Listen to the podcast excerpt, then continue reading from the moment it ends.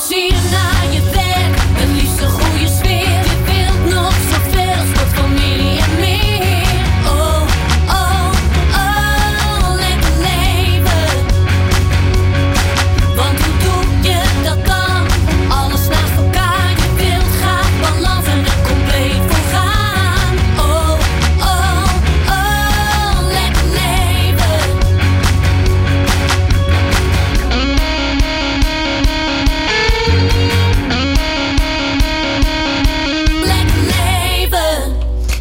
daar zijn we weer. Een Lekker Leven. Iedere keer ga ik in gesprek met BN'ers en experts om jou een portie inspiratie te geven voor een lekker leven. En dan denk je misschien, ja, maar waarom dan? Nou, omdat ik iedereen echt een lekker leven gun waarin je de beste versie van jezelf kunt zijn, zowel fysiek als mentaal. En juist in deze uitdagende tijd kan iedereen wel een portie inspiratie gebruiken.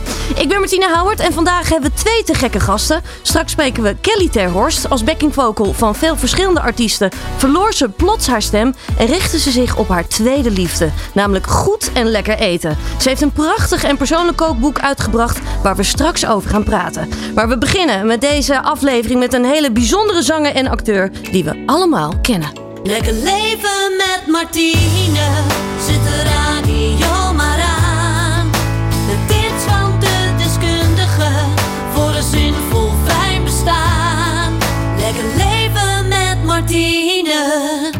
Als 15-jarige jongen deed hij in 2002 een auditie voor Idols. En sindsdien stond zijn leven echt op zijn kop. En kennen we hem natuurlijk allemaal en zien we hem ook continu voorbij komen.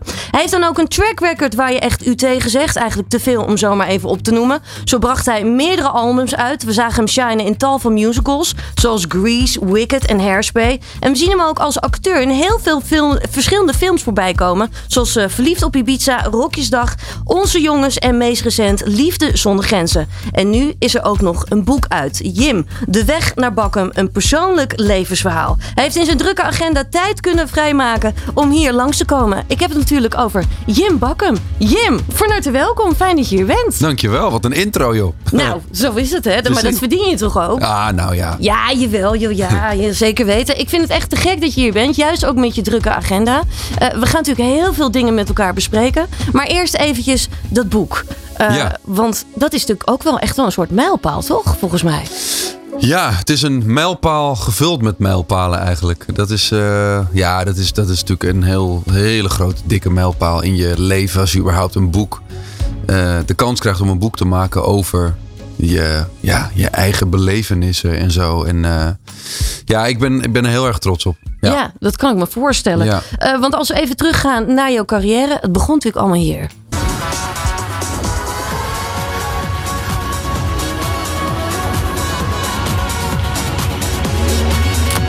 Idols. Ja. Iedereen kent die, die tune eigenlijk ook nog wel. Ook al is het dan weer een tijdje terug. Ja, ik benoem het ook in mijn boek, eh, die tune. Eh, dat ik er altijd nog de zenuwen van krijg als ik hem, eh, als ik hem nog terug hoor. Omdat het voor mij eh, ja, een soort van gelijk staat aan. Oh ja, ik moet nu weer, zeg maar. Het Ja, begint ja. en dan we kunnen, kan geen weg meer terug. Ja. Ik had natuurlijk zo weinig ervaring destijds dat ik, eh, ja, dus die, als ik die tune hoor, dan, dan, dan, dan beginnen die zenuwen weer te gieren. Oh, wat grappig. Dat Ja. komt dan gewoon ook echt Ja. weer terug. Ja. Want jouw eerste auditie, die kent natuurlijk ook iedereen. Eh, we gaan nog even kort luisteren. Isn't she lovely? And isn't she wonderful? And isn't she precious? Less than one minute on. Dit is natuurlijk wel hoe het allemaal begon, Jim. Ja. Had je toen enig idee wat er vanaf dat moment zou gaan gebeuren? Nee, natuurlijk niet. Maar ook voornamelijk niet omdat ik zo jong was. Ja. Kijk, als ik nu aan zoiets zou meedoen, dan, kijk, dan verwacht je ook niet hoe ver je komt. Of, of dan, heb je, dan, dan ja, heb je daar geen controle over. Mhm. Maar destijds kon ik natuurlijk helemaal niks weten. Ik wist niet hoe de televisiewereld werkte. Ik wist niet hoe, wist niet hoe de muziekwereld werkte. Ik, het is, ik ben er volledig in gerold. En die bal die ging steeds harder rollen. En, en eh, ja, op een gegeven moment ben je gewoon heb je gewoon een nieuw leven, letterlijk. Ja. En eh, ja, dat kon ik toen echt niet voorzien. Wat ik daar, eh, dat ik die kamer binnenliep en hoe mijn leven er een, een paar maanden later uit zou zien. Het was wel iets wat jij volgens mij wel ook echt graag wilde. Hè? Je wilde wel echt doorbreken. Hè? Ja, absoluut. Dat was, Had je eh, dat al echt als klein jongetje al? Eh, ja, mijn droom was altijd eh, letterlijk dat ik zei zingen op televisie. Dat wilde ik altijd. Niet beroemd worden of zo, maar echt gewoon. Ik keek vroeger altijd naar de mini playback show en naar de soundmix show en, en naar die grote shows met Henny Huisman en, en, en, en Geef Nooit Op met, eh, met Peter Jan Rens. Ja. En het, en het grappige is, ik woonde vijf minuten bij Henny vandaan. Henny woonde, woonde in Bakkum en ik woonde in Egmond Binnen. Mhm. En ik fietste er iedere dag langs. En voor mij was dat een, eh, ja, altijd magisch als ik langs zijn huis fietste. Terwijl eh, een paar jaar later repeteerde ik met mijn band in zijn stallen. Eh, dus als ik dat toen had geweten, dan, dan had ik je natuurlijk voor gek verklaard. Maar toen was het een soort van halleluja. Ik, ik, dat is de Henny Huisman. Die ja, ja, ja. misschien wel, als ik nu aanbel en vraag... kan ik meedoen in de Soundmix Show? Misschien kan dat wel. Maar dat heb ik nooit gedaan, uiteraard. Daar was ik veel te scheiterig voor. Ehm, dus ja, dat, dat waren vroeger voor mij echt, eh, echt wel dro- ultieme dromen. Maar ook wel heel erg ver van mijn bed hoor. Ik, ik had nooit gedacht dat het mij zou overkomen. Mooi. Maar Idols was er wel echt voor jou ook een moment van dat je dacht: ik wil dit een kans geven. Dit kan wel eens een springplank zijn. Je weet het niet. Ja, ik zag het voorbij komen. Toen dacht ik, nou ja, eh, voor een tv-jury eh, auditie doen. Voor het nieuwe idool. Ja, Ja. weet ik veel. Ja. Ik, ik, ik, had me, ik zag mezelf helemaal niet zo. Nee, nee, mooi is dat dan wat dat betreft. Hè? Want je, daarna, nou, iedereen weet natuurlijk hoe het is gegaan. Eh, je carrière kwam in een enorme ja, eh, nou ja, sneltrein eigenlijk terecht. Het was gewoon echt een, een rollercoaster. Want jij was natuurlijk samen met Jamai, was jij zo populair. Dat was ongelooflijk. Nou, het was. Het, en daar, dat is ook eigenlijk de grootste reden waarom ik dat boek heb, heb gemaakt. Omdat ik, ehm, ik. Dat begin is, is zo uniek, zeg maar. Het, Ja. het- dat, dat maak je gewoon als persoon natuurlijk nooit mee. Maar ook in entertainment is ook zoiets niet meer echt voorgekomen. Dat zeg maar. Eh, twee van die bleuwe jochies. Kijk, nu aan The Voice doen allerlei kandidaten mee die donders goed weten hoe het vak in elkaar zit. Weet Klopt. je wel, met ervaring. En, maar dat waren wij niet. Wij waren echt twee uit de klei getrokken jochies die gewoon eh, op dat podium werden geduwd en ga maar zingen. En, en die heftigheid, die, die mate van populariteit, dat, dat kende gewoon geen grenzen toen. En, en toen, ja, je komt op een bepaald niveau binnen. Eh, je raakt er nou ja, aan gewend, wil ik niet zeggen, maar dat is een soort niveau ehm, ja, die je toch wel normaal gaat vinden op een gegeven moment. Ja, want er wordt overal gegild waar je binnenkomt. Er wordt, het wordt Als je dat iedere dag meemaakt, wordt Ja. het natuurlijk ook gewoon een soort van gewoon. thuis, mensen voor de deur, eh, hele klasse en overal waar je kwam, eh, het gegil en gedoe en, en je, kreeg, je kreeg alles voorgeschoteld of ehm, op een eh, bedienblaadje aangereikt, eh, platenlabel, management, eh, nou van alles en nog wat.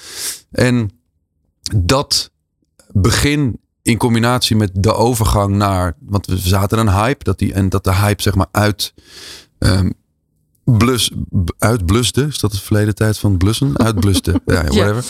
Ehm, ja, dat, dat, die overgang, die wilde ik heel graag ook eh, eh, benadrukken. Omdat het eh, best wel lastig was. Zeker voor een, jongen in zijn tienerjaren. ehm, die aan een bepaald, bepaalde mate van succes gewend was. En als die hype dan uitsuddert, hoe ga je daarmee om? En hoe kom je vanuit daar weer terug, zeg maar, in.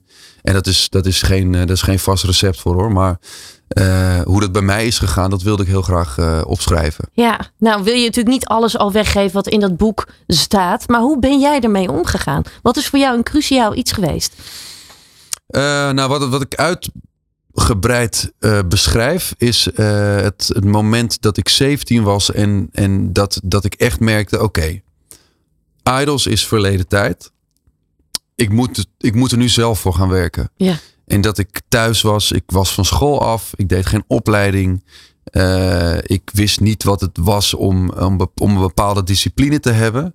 Eh, weet je, nu zou ik denken: oké, ik heb een, een, een paar vrije maanden. Eh, ik ga begin de dag met dat. En dan ga ik verder met, met eh, joggen. En dan ga ik schrijven. En dan ga ik die meeting, die meeting. Nou ja, die met die mensen afspreken.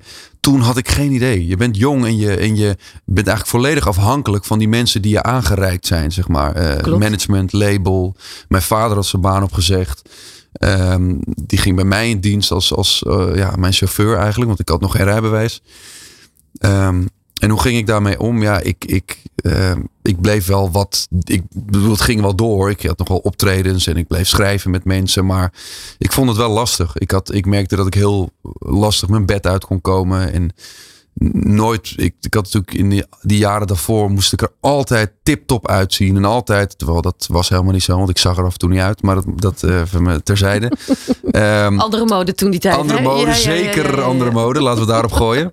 Ehm, maar ik, ik had geen zin meer om mijn haar te doen. En ik had een leefde op mijn ux en, en joggingbroeken aan en zo. Dus dat, dat vond, ja, dat- als ik, ik vond het geen fijne tijd. Het was geen fijne tijd. Nee, en toen ik op een gegeven moment, ja, merkte ik, eh, ja, we moesten gewoon een weg vinden. En ik, ik tekende toen een nieuwe platendeal. Toen, toen ging op een gegeven moment alles weer een soort andere kant op rollen.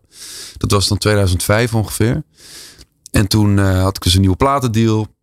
Toen kreeg ik de kans, toen was er een nieuw programma. Dat was helemaal het ding. En voor mij was het heel vreemd. Dat was dan Dancing with the Stars. Ja. Dat was eh, nieuw, Samen met Julie Fryer. precies. Ja. Met Julie Fryer. Dat is nog vroeger mijn, eh, mijn coach ook altijd weer geweest. Oh, dansdocenten. Ja, Ja. door haar ben ik gaan dansen. Dat is niet de dus minste een link. Nee, zeker niet. Nee, zij is nee, echt nee. de bom. Dus ik kreeg die aanvraag, dat was ook in 2005. Toen was ik 17, ja, nog steeds. En ehm, ja, ik kende dat niet. Nee. Dansen op televisie, ik kan helemaal niet dansen. En als, als artiest aan een programma meedoen, wat is dat? Waar, wat, dat, was, dat was nieuw toen. En toch deed ik het, want eh, ik kende de makers van, van Idols nog. Bepaalde ehm, redacteuren en producenten. En ehm, toen deed ik mee. En eh, ja, dat was, dat was eigenlijk ook weer een nieuwe start voor mij. Dat Ja. opende eigenlijk een soort de, theater, de theaterwereld voor mij. Ja, want vervolgens kon je daardoor natuurlijk ook, omdat je dat dansen liet zien, kon je Ja. natuurlijk ook zeggen: hé, hey, kijk, musical is misschien ook nog wel een heel mooi iets. Ja, toen heeft Albert bij Albert Verlinde mij eh, vanuit daar wel mooie kansen eh, gegeven. En me de kans gegeven om te. Om discipline op te doen in dat vak. Want wa- als je ergens discipline leert, is het theater. Ja. Dat is echt ongelooflijk. Dat zijn de hardst, hardwerkendste, hardst werkende mensen eh, in de entertainmentwereld. eh, vooral de ensembleleden. En ehm, ja, dat, is, dat was voor mij ideaal. Dat was voor mij eigenlijk dus de opleiding die ik nooit heb gehad eigenlijk. En eh, ik ben hem, ben hem daar nog steeds heel dankbaar voor. Dat ik was vrij op de voorgrond wel, maar dat ik daar alles heb kunnen leren op het gebied van, ehm, nou ja, sowieso van theater, maar ook van, van eigenlijk alles. Ik had daar, ik nam dat in alles mee. Ook mijn normale optredens in de studio, stemtechniek. st- Ik, ik kon natuurlijk, wist niks. Nee, nee, je was gewoon helemaal bleu. Maar Ja. dat soort mensen zijn dan wel heel belangrijk. Ja, zeker. Zoals een Albert Verlinde en al die andere mensen die dan op je pad komen. En jou ook die kans geven. Dat is natuurlijk echt cruciaal. Ja, Ehm, als we, we gaan straks gaan we hier ook nog verder over praten. Maar we gaan ook nog even naar muziek. Ehm, waarom is dit boek belangrijk voor jou? Wat wil je mensen ook meegeven met het boek? Ehm, nou, het, het is vooral eigenlijk. Het, het- in eerste plaats, het is gewoon een heel lekker boek om te lezen. Er zit heel veel humor in, veel, veel anekdotes. En ik neem mezelf volledig op de hak. Maar eigenlijk de achterliggende boodschap is: ehm, volg je vage droom. Ik noem het mijn vage droom, omdat ik altijd dacht: ja, ik droom van iets, maar dat gaat toch nooit gebeuren. Mhm. Want voor je het weet komen ze uit. Want ik heb mijn droom letterlijk uitzien komen. En ik leef hem nog steeds. En Ja. ja, ja hoe jong je ook bent. Ga, ga niet voor een, voor een, eh, ehm, ja, voor een geëikt paadje. paadje.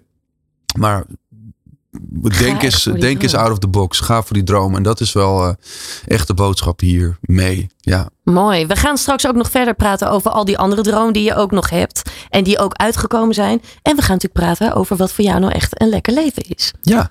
Dat Leuk. gaan we zo doen. Het nieuwe lifestyle radiostation voor iedereen.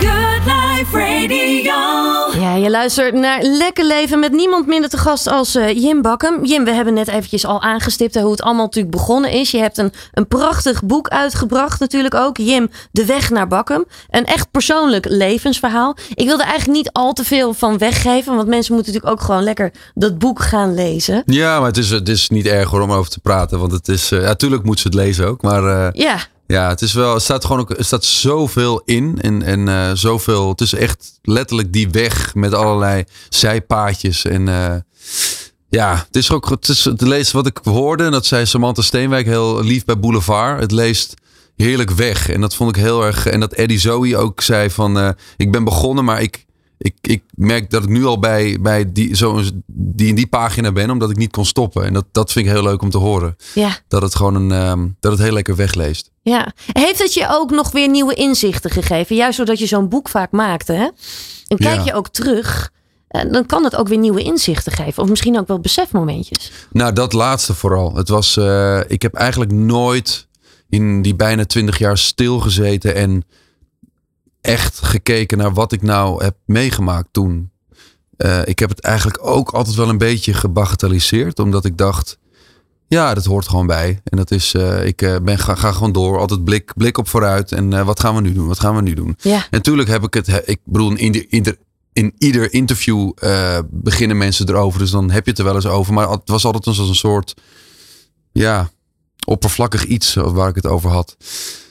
En nu heb ik, het, heb ik het echt wel uitgebreid, ben ik erop ingegaan. En echt, uh, vooral de zwaarte van het boek ligt ook niet qua letterlijk zwaarte, maar de, uh, nou ja, de hoeveelheid waar ik het over heb in het boek ligt ook in, op de begintijd. Ja. Dus ik heb heel gedetailleerd heb ik het over idols en hoe het in de studio was en hoe het rook en uh, hoe de, ja, wel de, van wie de fysicisten waren tot de producenten en tot, uh, dat, dat zijn voor mij hele heldere herinneringen.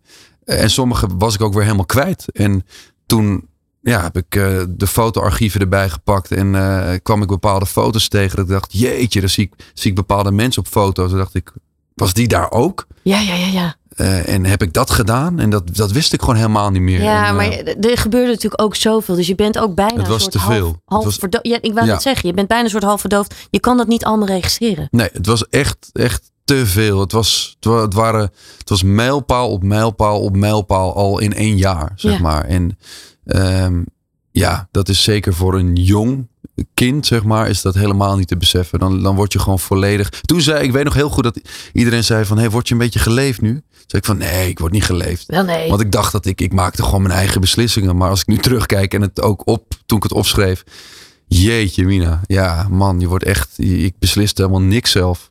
Wat heeft het bekend zijn met je gedaan? Want in één keer ben je een bekende Nederlander. Je bent nog steeds een bekende Nederlander. Heeft het je een ander mens gemaakt? Ja, het heeft me wel gevormd. Al ben ik, ik ben nooit echt bewust bezig geweest met bekend zijn of zoiets. Daar zit niet jouw motivatie, zeg maar. Dat is nou, dat je- sowieso niet. Maar ook, ik heb ook uh, nou ja, uh, bekende uh, vrienden of collega's die ik dan wel eens sprak of spreek. Die dan zeggen van, ja, nee, daar ga ik niet heen hoor. Want daar zijn zoveel Nederlanders of zo, daar kan ik echt niet rustig heen. Ja, ja, ja. Maar daar heb ik me nooit door laten leiden of zo. Als, ja, ik zie ik dan wel weer als het, Ja. als het niet gaat. Of, uh, ja, en wat is het ergste wat kan gebeuren? Dat ze foto's vragen. Ja, liever dan dat ze, me- dat ze me in elkaar schoppen, zeg maar, denk ik altijd. Ehm, dus nee, dat, dat heb ik nooit. uh, ik vind het beroemd zijn, uh, heb ik ook nooit erg gevonden. Maar ik heb er ook nooit een ding van gemaakt of zo. Um, maar het heeft me wel gevormd. Tuurlijk. Zeker als je zo jong bekend wordt. En ook de mate waarin ik bekend werd, zeg maar. Dat, um, ja, ik heb nog steeds wel als ik een restaurant binnenloop. En ik bedoel, ik weet dan nu dat alle koppen gaan draaien, zeg maar. Ja. Maar dan, ja, ik, ik, mijn, als ook, dus, dat is grappig ook als ik op straat loop en er komt een groep meisjes aan. Terwijl de generatie meisjes van nu, die heeft waarschijnlijk geen idee wie ik ben. Ja, die kennen me van de films. Maar toen waren het natuurlijk, dat was mijn uh, doelgroep. Volledig uh, de tienermeisjes, zeg maar. Die zijn nu ook weer wat ouder geworden, zeg maar. Dus die doen ja, die, vind je precies, ook nog steeds leuk. Die ja. zijn nu ouder. Maar als ik, als ik nu een, een, een, een huidige generatie tienermeisjes op me af zie lopen, dan doe ik mijn hoofd naar beneden. Terwijl ze helemaal geen reden toe, want die gaan niks zeggen waarschijnlijk. Maar dat zit er gewoon heel erg in. Dat omdat ik, in. uh, ik weet het niet, dat was toen overal waren gewoon die meisjes begonnen te gillen of te schreeuwen of te roepen of te, af te rennen. En dat is, ja, dat, wat, als ik daarnaar kijk, dan merk ik wel dat, dat het me gevormd heeft in bepaald sociaal gedrag of zo. En, dat, en ja, dat is gewoon, ik denk dat iedereen dat wel kan beamen die een bepaald soort bekendheid geniet. Ehm, dat je je in bepaalde situaties toch anders gedraagt en er anders mee omgaat. Omdat je weet dat mensen anders op je gaan reageren en dat je hem.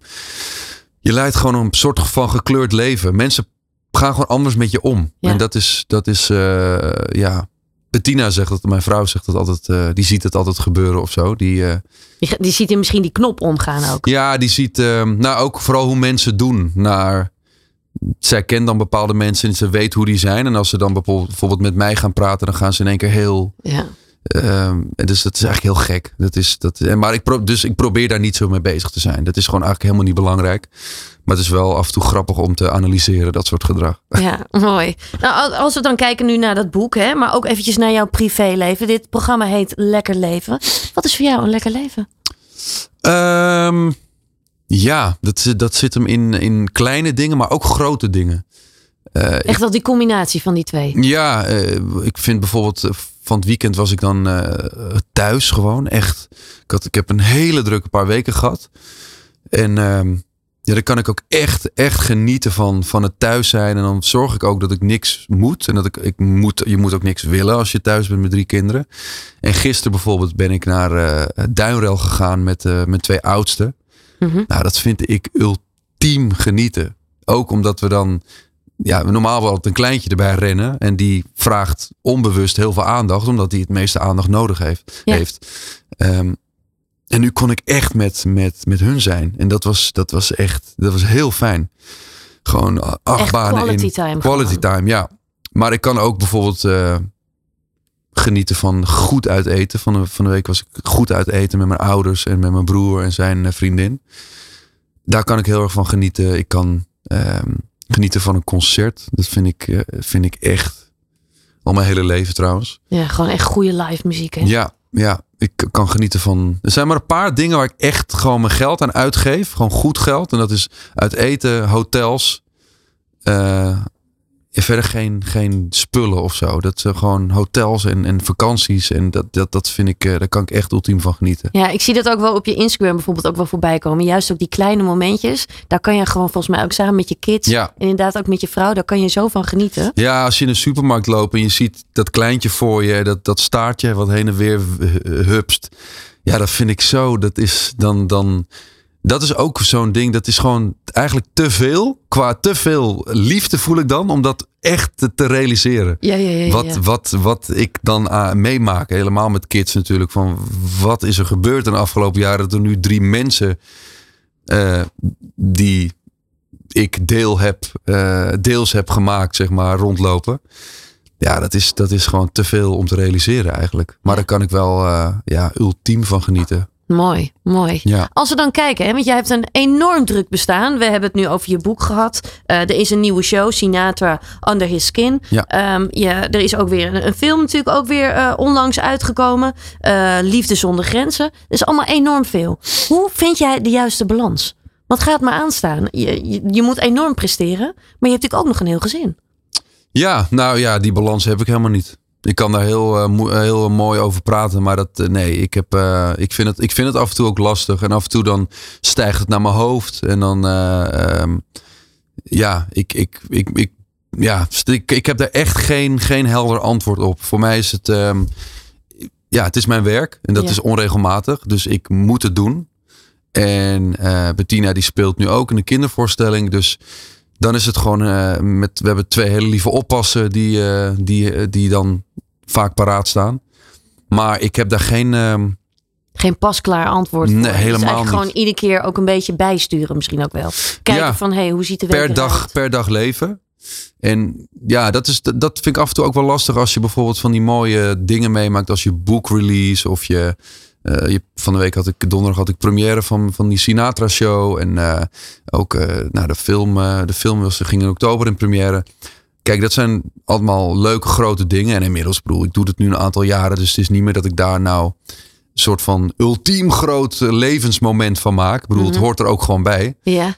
Maar ik merk wel dat door mijn kinderen en door mijn gezinsleven dat ik af en toe, ehm, ja, het- het- het- het- dat, dat trekt zo erg aan me dat ik ook heel vaak denk na afloop van een première van nou ik ga maar weer naar huis want ik moet weer vroeg op of eh, stel we hebben een slechte nacht terwijl ik dan het liefst misschien eh, weer een keer door zou willen halen om, om een première te vieren weet je wel. Ja, ja, ja, ja. Maar, dan denk je gewoon eventjes praktisch. Van ja, wacht ja, eventjes. het is heel veel praktisch denken met kinderen. Ja. En soms zou ik wel iets meer eh, los willen laten. Gewoon een keer niet willen denken aan eh, de wasmanden die uitpuilen. En eh, dat is, zijn gewoon dingen waar ik zo niet aan wil denken, maar waar je gewoon aan moet denken. Want als je er een dag niet aan denkt, in ons geval, dan loopt die over. Dus Hoe, hoe, hoe vind je dan toch rust? Want eh, je hebt natuurlijk wel ook je rustmomenten ook nodig. Om goed te kunnen presteren. ja, nou eigenlijk de enige rustmomenten die ik heb zijn in bad af en toe s'avonds. Eh en een massage af en toe, één keer in de twee of drie weken. Ja. Ik probeerde dat iedere week te doen, maar dat lukt nu ook niet meer eigenlijk. Ehm, maar dat zijn eigenlijk, want echt op, echt op vakantie alleen of met Bettina ga ik niet. Ook geen weekendjes weg. Dus dat, ze- dat, daar, daar, dat deden we voor Molly trouwens wel. Dus dan, toen hadden we wel die rust nog. Maar ehm, nee, ik probeer, ik probeer met bad, badsessies probeer ik mijn rust wel een beetje te vinden. Maar het is lastig. Ja. Ja. ja. Of misschien soms eventjes muziekje op. Dat soort dingen. Gewoon even Nou, wat ik he- heel lekker vind, ik ben helemaal gek op podcasts. En ik, ik probeer allemaal nieuwe te ontdekken. En dus tijdens het koken bijvoorbeeld, of tijdens, nou ja, koken. Tijdens het de keuken opruimen, moet ik eigenlijk meer zeggen. Ehm, dan doe ik eh, mijn oortjes in en dan heb ik lekker een podcast. En af en toe hoor ik een kind iets vragen vanuit de woonkamer. En dan doe ik net of ik het niet hoor. Eh, dan ga ik gewoon lekker door schoonmaken. En ehm, ja, dat vind ik dan, daar kan ik dan ook wel van genieten. En wat voor podcast luister jij dan? Waar, waar ligt je interesse? eh, ja, ik vind vraaggesprekken heel leuk. Ehm, dus ik, ik luister nu bijvoorbeeld Even Relativeren met Kai Gorgels. Ja. Eh, ik vind het gewoon, ik ken hem alleen maar als grappenmaker. En daar is hij eigenlijk, ik vind hem heel goed in, in, in, in, in interviewen. En hij eh, luistert echt naar mensen. Soms merk je, eh, bij bepaalde mensen merk je, die zijn bij een antwoord zijn ze alweer bij een volgende vraag. En dat doet hij niet. Hij gaat echt door op waar iemand ja, het over heeft. het over ja. heeft. Ja. En dat vind ik heel goed. Eh, ik vind Ruud de Wild, eh, maar, die, maar hij heeft nu al heel lang niks meer gemaakt. Maar ik hou van zijn interviewstijl. dat hak dat, op de tak, dat vind Ja. ik gewoon te gek. En ehm, ja, wat, wat eh, inspirerende dingen. hoe noem je die van Giel ook alweer? Koekeroe? Koekeroekoe? Koekeroekoe, ja. Ja, ja, ja. Die vind ik heel, heel fijn. En ehm, Dus je doet wel graag ook wel inspiratie op op dat gebied. Want dat gaat zeker. dan ook wel echt wel meer over mentale gezondheid. Ja, maar niet. Ik, maar gewoon, het moet meer. Ik ben niet een spiritueel iemand. Dus het mag, mag voor mij heel erg eh, lekker op de nuchter zijn. Ja. Wat mij ook kan inspireren is bijvoorbeeld die drie gasten van Man Man Man de podcast. Dat vind ik. Het gaat af en toe nergens over. Maar het voelt alsof je er af en toe gewoon bij aan tafel zit. Ja. Ehm, dat vind ik, ja, dat is gewoon lekker. Dat luistert ook lekker weg. Omdat het gewoon heel herkenbaar is. Het zijn allemaal gasten van mijn leeftijd. Ehm, dus ik kan, daar, ik kan er wel echt gewoon lekker van genieten. En dan, hoor ik horen mijn kinderen me af en toe lachen in de keuken. En dan zeggen ze: Papa, wat is er? Ja, ik hoor iets grappigs. eh, maar ja, nee, ik- dat zijn voor mij ook wel rustmomentjes. Ja, mooie kleine rustmomentjes. Waar ik bijvoorbeeld heel erg van kan genieten, is gewoon lopen en genieten van, je, van het uitzicht. Bijvoorbeeld in Amsterdam. En daar hebben ze onlangs ook een heel leuk nummer over gemaakt. Good Life Radio. Good vibes. Good music. Good Life Radio. Ja, Jim zit al gewoon lekker mee te fluiten hier zo. Ja, ik- het is, het is gewoon echt een goed liedje. Echt Ja, een hè? goed liedje. Ja, zeker. Echt, echt knetterpakkend ook wat dat betreft. Ja, ja dus dat is, komt heel weinig voor. Het is eigenlijk de Suzanne Freek. Dat is ongeveer ieder liedje wat zij uitbrengen is zo catchy en catchy. En eh, ja, ik vind het een leuke, leuke zanger dit. Gewoon eh, leuke sfeer, leuke sfeer, leuke uitstraling en ehm, gewoon positief. Ja, ja, daar ben ik eh, helemaal met je eens wat dat betreft. Ja. Ehm, ik vind het ook wel mooi wat dat betreft ook wel hoe jij je in de loop der jaren hebt ontwikkeld. Want als we dan kijken met wat voor muziek je ook eerst kwam. eh, je bent musicals gaan doen vervolgens. Eh, we hebben je in heel veel films ook gezien als acteur. Onlangs is dan natuurlijk ook Liefde zonder grenzen uitgekomen. Een bijzondere film ook wel, met een bijzondere rol ook wel.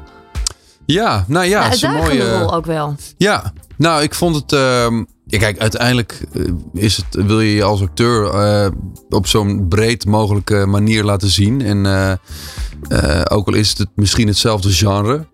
Maar ja, op een gegeven moment heb je wel bepaalde dingen heb je wel laten zien in films. En eh, ehm, kijk, dat, dat neemt niet weg dat ik dat heel leuk vond en vind om te doen. Maar ja, deze rol kwam voorbij en ik dacht, dit, dit, dit wil ik wel graag doen. En het is, het is gewoon een verhaallijn ehm, die ook niet vaak voorkomt in, in films. Je, je hoort en ziet het niet vaak. Nee, want even voor de duidelijkheid, mensen die het niet weten. Ik speel eh, eh, Maarten en Maarten zit in een eh, huwelijk, ja, gevangen eigenlijk. Een, een wat lijkt gelukkig huwelijk. Maar wat zijn vrouw niet weet is dat hij al een tijd lang een geheime verhouding heeft met, met beste, de beste vriend van haar, van zijn zusje. Ja, Snap je het nog? Ehm, hij valt, hij is verliefd op een man. ja, hij is verliefd op een man geworden. En daar is hij ook stapel verliefd op. En die man wordt gespeeld door Freek Bartels. En ehm, ja, het, het ook, toen ik hoorde dat Freek het tenminste op de longlist stond. Toen heb ik ook heel erg aangestuurd van dat ik wilde dat Freek het ging doen. Omdat ik, ja, ik ken hem al heel lang ook. Maar we hebben eigenlijk nog nooit echt samengewerkt. Mhm. En eh, het leek me geweldig om met Freek te doen. Gelukkig ging het doen. En ehm, ja, dat was, eh, was een hele, hele leuke rol. En, maar ook weer niet dat ik dacht van nou, zo'n groot ding voor mij om dit, om dit te doen. Ik, vond, ik vond het gewoon vooral heel leuk om even een keer wat anders te spelen. En of Ja. dat dit nou toevallig een, een eh, homoseksuele man is. als het volgende keer een, een junk is, dan vind ik dat net zo leuk dan dat. Niet per se omdat dit dan een, eh, in de seksuele voorkeur zit van die man. Eh, maar eh, nee, ik, vind, eh, ik vond het heel, heel leuk om, om te spelen. Het was eigenlijk een hele korte draaiperiode voor mij. Omdat het een mozaïekfilm is, een grote familiefilm. En ja, ik vind het een leuk film geworden met verfrissende lijntjes, zeg maar. Die je niet heel vaak ziet in, in films. Nee, en zeker ook niet in Nederlandse films, wat dat Nee. betreft ook wel. Nee. En, eh, maar ik kan me wel zo voorstellen dat jij, juist omdat je al een tijdje in het vak zit, dat je jezelf toch iedere keer wilt uitdagen. Ja, maar dat is het ook. Ja. Dat is het wel. Dat zit ook wel volgens mij in jou. Ja, en ik, ik, ik, bij, begin, bij het begin van nieuwe uitdagingen, dan, dan ga je, doe je misschien dingen eh, die je een aantal jaren later niet meer zou aannemen. Mhm. Eh, maar eh, nou ja, ongeveer tien jaar geleden begon dan een beetje eh, mijn filmcarrière op te bloeien. En ehm, toen nou, heb ik bepaalde rollen ge- gedaan. En het is ook voor, voor om vlieguren te maken, ervaring. En ik heb daar zo ook weer zoveel in mogen leren. Ook weer door bepaalde kansen van bepaalde producenten die in mij geloofden. Ja. Ehm, ja, eigenlijk was mijn eerste film was in 2006 al. Was in Afblijven van Carrie Slee. Ehm, dus nou ja, en daarna kwam eh, ja, de begin eh, jaren 2010, 10, zeg maar. eh, deed ik dan verliefd op Ibiza. Nou, dat kwam, en het rolde eigenlijk zo door. Maar op een gegeven moment zit je in een bepaald hokje of hoekje. eh, waarvan je denkt van ja, dit is heel leuk. En ik, ik heb niks tegen romantische comedies. Maar op een gegeven moment is het ook leuk om je van een andere kant te laten zien. Ja. En inderdaad ook jezelf uit te dagen. Dus ik zit nu wel op zo'n punt dat ik denk van ja, ik ga, ga daar meer op focussen, meer op richten en meer. Wat zou het mogen zijn? Ehm, nou ja, ik, ik ben nu bijvoorbeeld wel met een, met een, een eigen project bezig. Eh, eh, ik, ik kan niks over de inhoud zeggen, maar ik ben daar bezig mee met eh, Thijs Reumer en Igoné de Jong. Ze zijn getrouwd ook en Igoné is ballerina.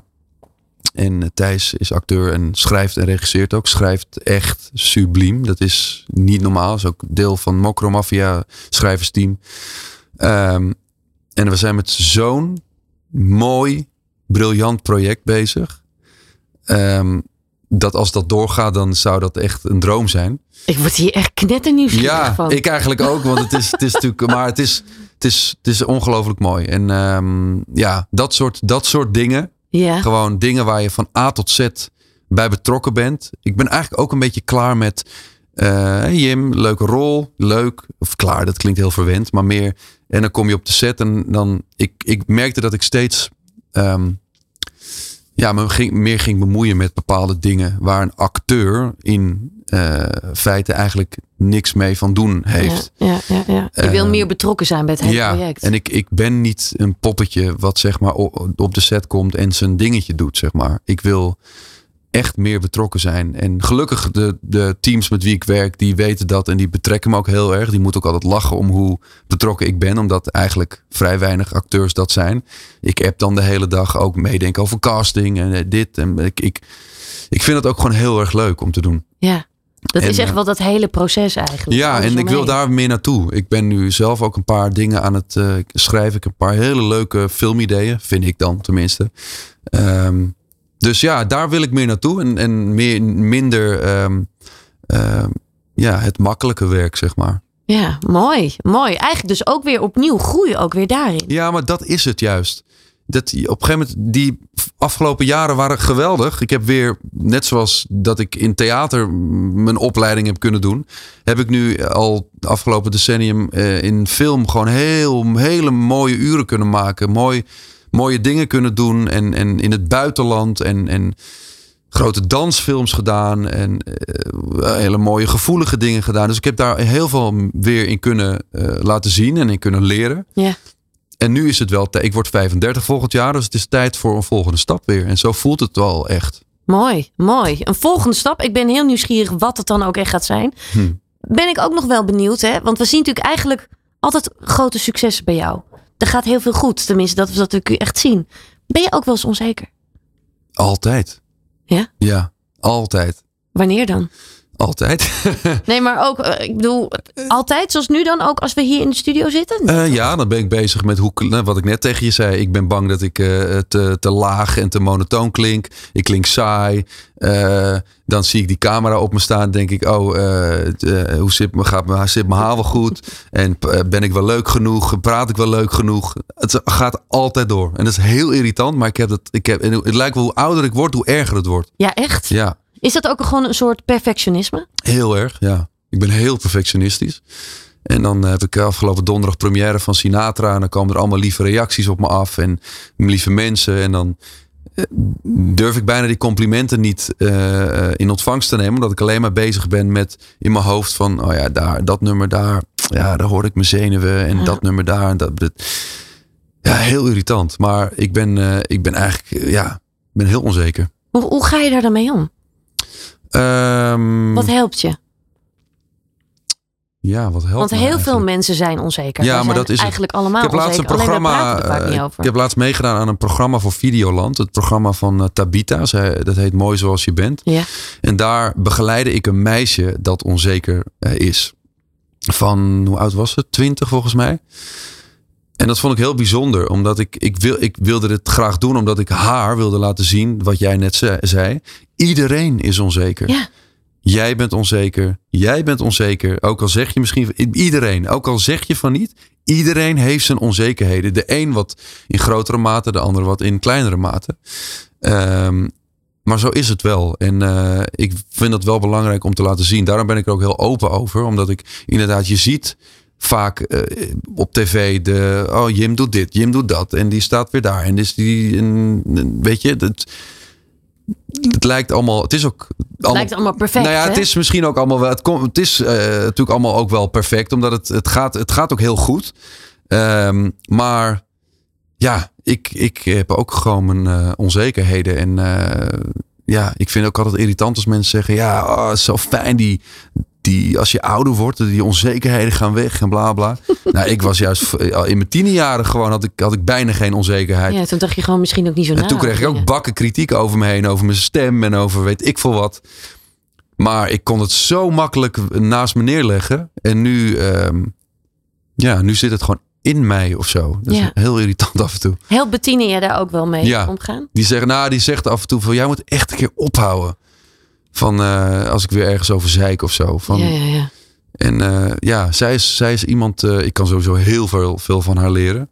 Ook van haar mentaliteit en van haar. Natuurlijk heeft ze ook haar onzekerheden, maar zij staat heel sterk in de schoenen. En weet heel goed wat ze waard is. En, en dat weet ik ook. Ik weet ook op een gegeven moment wel, ik weet wat ik waard ben. En ik weet wat ik kan en wat mijn sterke punten zijn en wat mijn minder sterke punten zijn. Ehm, maar toch, ja, zit er iets. eh, misschien is het over een paar jaar wel weer anders, hè? Maar het is, eh, het is iets wat, wat altijd wel bij mij hoort of zo. En Ja. eh, mijn moeder zegt ook wel eens van... Jim, echt, waarom, waarom denk je zo? Waarom ge- geniet van wat je, dat doe ik ook, maar ja, geniet van wat je doet en wees trots op wat je doet. Ja, en dit hoort dus blijkbaar ook bij jou, Precies. deze kant. Ja, Ja, dus als je dat beter, gewoon misschien ook wel weet te omarmen, dan kun je er ook beter mee leren leven. Tenminste, als ik voor mezelf spreek, is dat echt wel, heeft dat geholpen. ja zeker. Door Ja, gewoon ja. ook te accepteren van, oh ja, ik ben dus gewoon zo. Ja, en dat betekent niet dat je niet trots op jezelf bent. Of, eh, maar dat had ik, van de, had ik vorige week. Toen dacht ik van. Ik lag in mijn bed na. Oh ja, toen had ik en de presentatie gehad van mijn boek. En ik had repetities gehad van mijn Sinatra show. Eerste try-out. Toen lag ik in mijn hotel. eh, en toen dacht ik. Ik ben echt fucking trots op mezelf. Oh, wat goed. Dat dacht ik in één keer. En dat, dat is eigenlijk niks voor mij.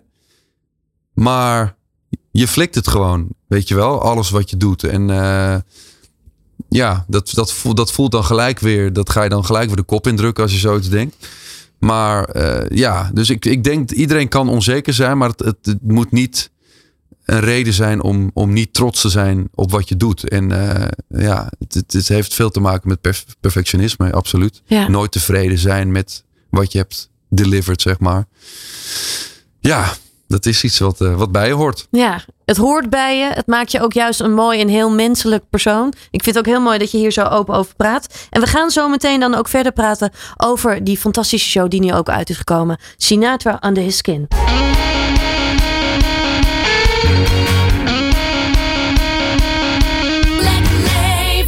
Ja, je luistert nog steeds naar Lekker Leven. Inmiddels hebben we al heel veel met elkaar besproken, Jim. Eh, er is al van alles voorbij gekomen. Maar wat we nog niet uitgebreid hebben besproken... is Sinatra Under His Skin. Die is onlangs is die ook gewoon eh, in première gegaan. Ja, donderdag ja, in Amstelveen. Ja, Ja, dat was een fantastische avond. Het was echt, eh, ja, heel spannend ook weer. Want de première, daar komt altijd eh, weer een helikopterview bij kijken. Dat ken je vast ook. eh, zeker, zeker. Ja, ja, waar je ja. normaal geen last van hebt. En dan ga je in één keer, begin je liedje. Dan denk je, oh grappig, dat zing ik zo. En dat zing ik normaal zo. En dan, eh, oh ja, dit en dit. En wat zal die hiervan denken die er is. En, Absurd wat er door je hoofd heen kan oh gaan. man, daarom... je gewoon zitten zingen, hè? Laat mij maar over die première heen en dan ga ik lekker gewoon spelen. En, maar nee, het was, het was heerlijk. Ik sta met 13 man big band op toneel. En ehm, ja, het is eh, ultiem, echt. Heb, je, heb je ook wel echt kunnen genieten van zo'n première? Of komt dat daarna pas? Eh, ik, de- het, het echte genieten, het, het ehm, zorgeloze op het podium staan genieten, dat komt daarna altijd pas. Maar ik ben altijd al blij op zo'n première. Eh, als, als, ik, als er niks echt mis is gegaan. Als ik geen tekstfout heb gehad. Of als ik niet ben overgeslagen. Of als ik... En dat is allemaal niet gebeurd. En dan ben ik al tevreden. Ja, dan is al goed. goed. Ja. Wat goed. Voor de mensen die de show nog niet kennen, hè? eh, er komen natuurlijk al die nummers van Sinatra komen voorbij. Maar het verhaal wordt ook echt verteld, ook, hè? Ja, het is, ehm, eh, het is gebaseerd op, op een biografie van Frank Sinatra. Geschreven door de oud-butler van hem. Mr. S, My Life with Frank Sinatra. Ja. Ehm, ja, dat, dat is toch een inkijkje in ja, bepaalde situaties die, die eh, mensen niet kennen van, van uit zijn leven. Eh, ja, natuurlijk zijn banden met de maffia, eh, zijn, zijn hele hechte vriendschap met JFK, president destijds. En zijn liefdes, Marilyn Monroe en Eva Gardner, allemaal die oude filmsterren waar hij het gewoon allemaal mee deed. En ook heel tragisch, want die zijn allemaal voor zijn ogen ook weggevallen. En dat wordt verteld door Sergio Vient, ehm, de oud eh, gastheer van First Dates. Ja, ja. Die doet het helaas nu niet meer. Eh, maar eh, ja, dat is, het is een hele leuke eh, Mooie combinatie. combinatie ook wel. Ja, en hij, hij heeft een fantastische spreekstem. Dat is echt bizar. Toen ik hem voor de eerste keer hoorde in onze meeting, dacht ik, ja, die, die moeten we gewoon hebben. En ehm, ja, dus dat is heel leuk. En dan echt gek genoeg op bijna al zijn ja, anekdotes uit, het, eh, uit zijn leven van Sinatra eh, passen, past zijn eigen repertoire. Dus bepaalde nummers eh, ja, uit zijn liefdesleven. Dus daar passen weer heel veel liedjes bij. En, en ja, het is gewoon echt, echt bizar hoe dat, eng hoe dat past. En dat, ja, dat volgt elkaar mooi op. Mooi, Ja. mooi. Ben je hier dan ook weer heel erg betrokken bij geweest? Ook weer bij dat proces? Ja, het is, het is nu. eh, Mijn vorige tour was wel een eigen productie. En dit is eh, een productie van Friendly Fire. En dat vind ik eigenlijk wel heel relaxed. Ehm, maar ik ben wel. Ik zei, ik, toen, ik, toen deze aanvraag kwam, zei ik: Oké, ik wil het heel graag doen. Maar ik wil het alleen doen als we het echt goed gaan doen. Dit Ja. moet niet met een derde rangs beentje eh, om, om kosten te besparen. Nee, dit is Sinatra. Dit moet echt gewoon ultiem oud Hollywood, glamour. eh, dat gevoel, weet je wel, wat Ja. mensen daarvan krijgen. En ehm, ja, dat is het geworden. Het is in de decor geworden. Mooie, mooie witte gordijnen hangen er. De, de, de big band staat mooi eh, op, een, ehm, op een soort ja, verhoogd podium. eh, en, en ja, het is echt, echt wat ik ervan verwachtte en van, van hoopte. Mooi, Ja. mooi. Is dit ook weer opnieuw eigenlijk wel een droom die uitkomt? Eigenlijk wel. Dit is, dit is iets wat ik. Ik ben natuurlijk geen crooner. Ik sta niet bekend als een, eh, als een, eh, een of andere eh, jazz vocalist. Mhm. Maar ik heb in mijn carrière heb ik wel vaak met orkesten gezongen. met Metropool of met, met andere big bands. En dat waren momenten die ik altijd onvergetelijk vond. Voor me, dat is, daar kreeg ik zo'n energie van. Ja. Dus de, de gedachte van een tour met een big band was een soort ver van mijn bed droom ook. Dat, ja, dat, dat, waarom ik? Ik ben, ben niet, ben niet zo'n soort vocalist. En in één keer kwam deze kans. En toen dacht ik, dit ga ik, eh, dit ga ik met beide handen aanpakken. Dit is wel echt, echt te gek. Ja, mooi. Mooie kans ook weer. Je, je hebt zojuist al een tipje van de sluier gegeven wat er ook allemaal nog gaat komen. Een project waar je mee bezig bent. Hè? Maar daar kan je nog niet heel veel meer over vertellen voor de rest, denk ik. Nee, omdat het, het, is, het is echt nog in ontwikkeling. in we, zijn, we zijn met producenten bezig. En dan moet er, eh, gaat er funding plaatsvinden hè, om, eh, om de film te financieren. En, dus er komt zoveel bij kijken. Ehm, dus voordat, voordat we dat een keer gaan draaien, dat, dat is misschien eh, ja, wel over anderhalf jaar een keer of zo. Ja, ja. Maar ehm, ja, ik, eh, ik, dat is wel echt de kant die ik op wil. Meer echt vanaf het begin af aan betrokken zijn bij projecten. Mooi, mooi. Dus die kant gaan we ook steeds meer van Jim zien. Als we dan kijken, hè, je hebt al zoveel dromen nou ja, uit kunnen laten komen. Ehm, wat zou je andere mensen mee willen geven daarin? Van hoe, hoe pak je dat aan?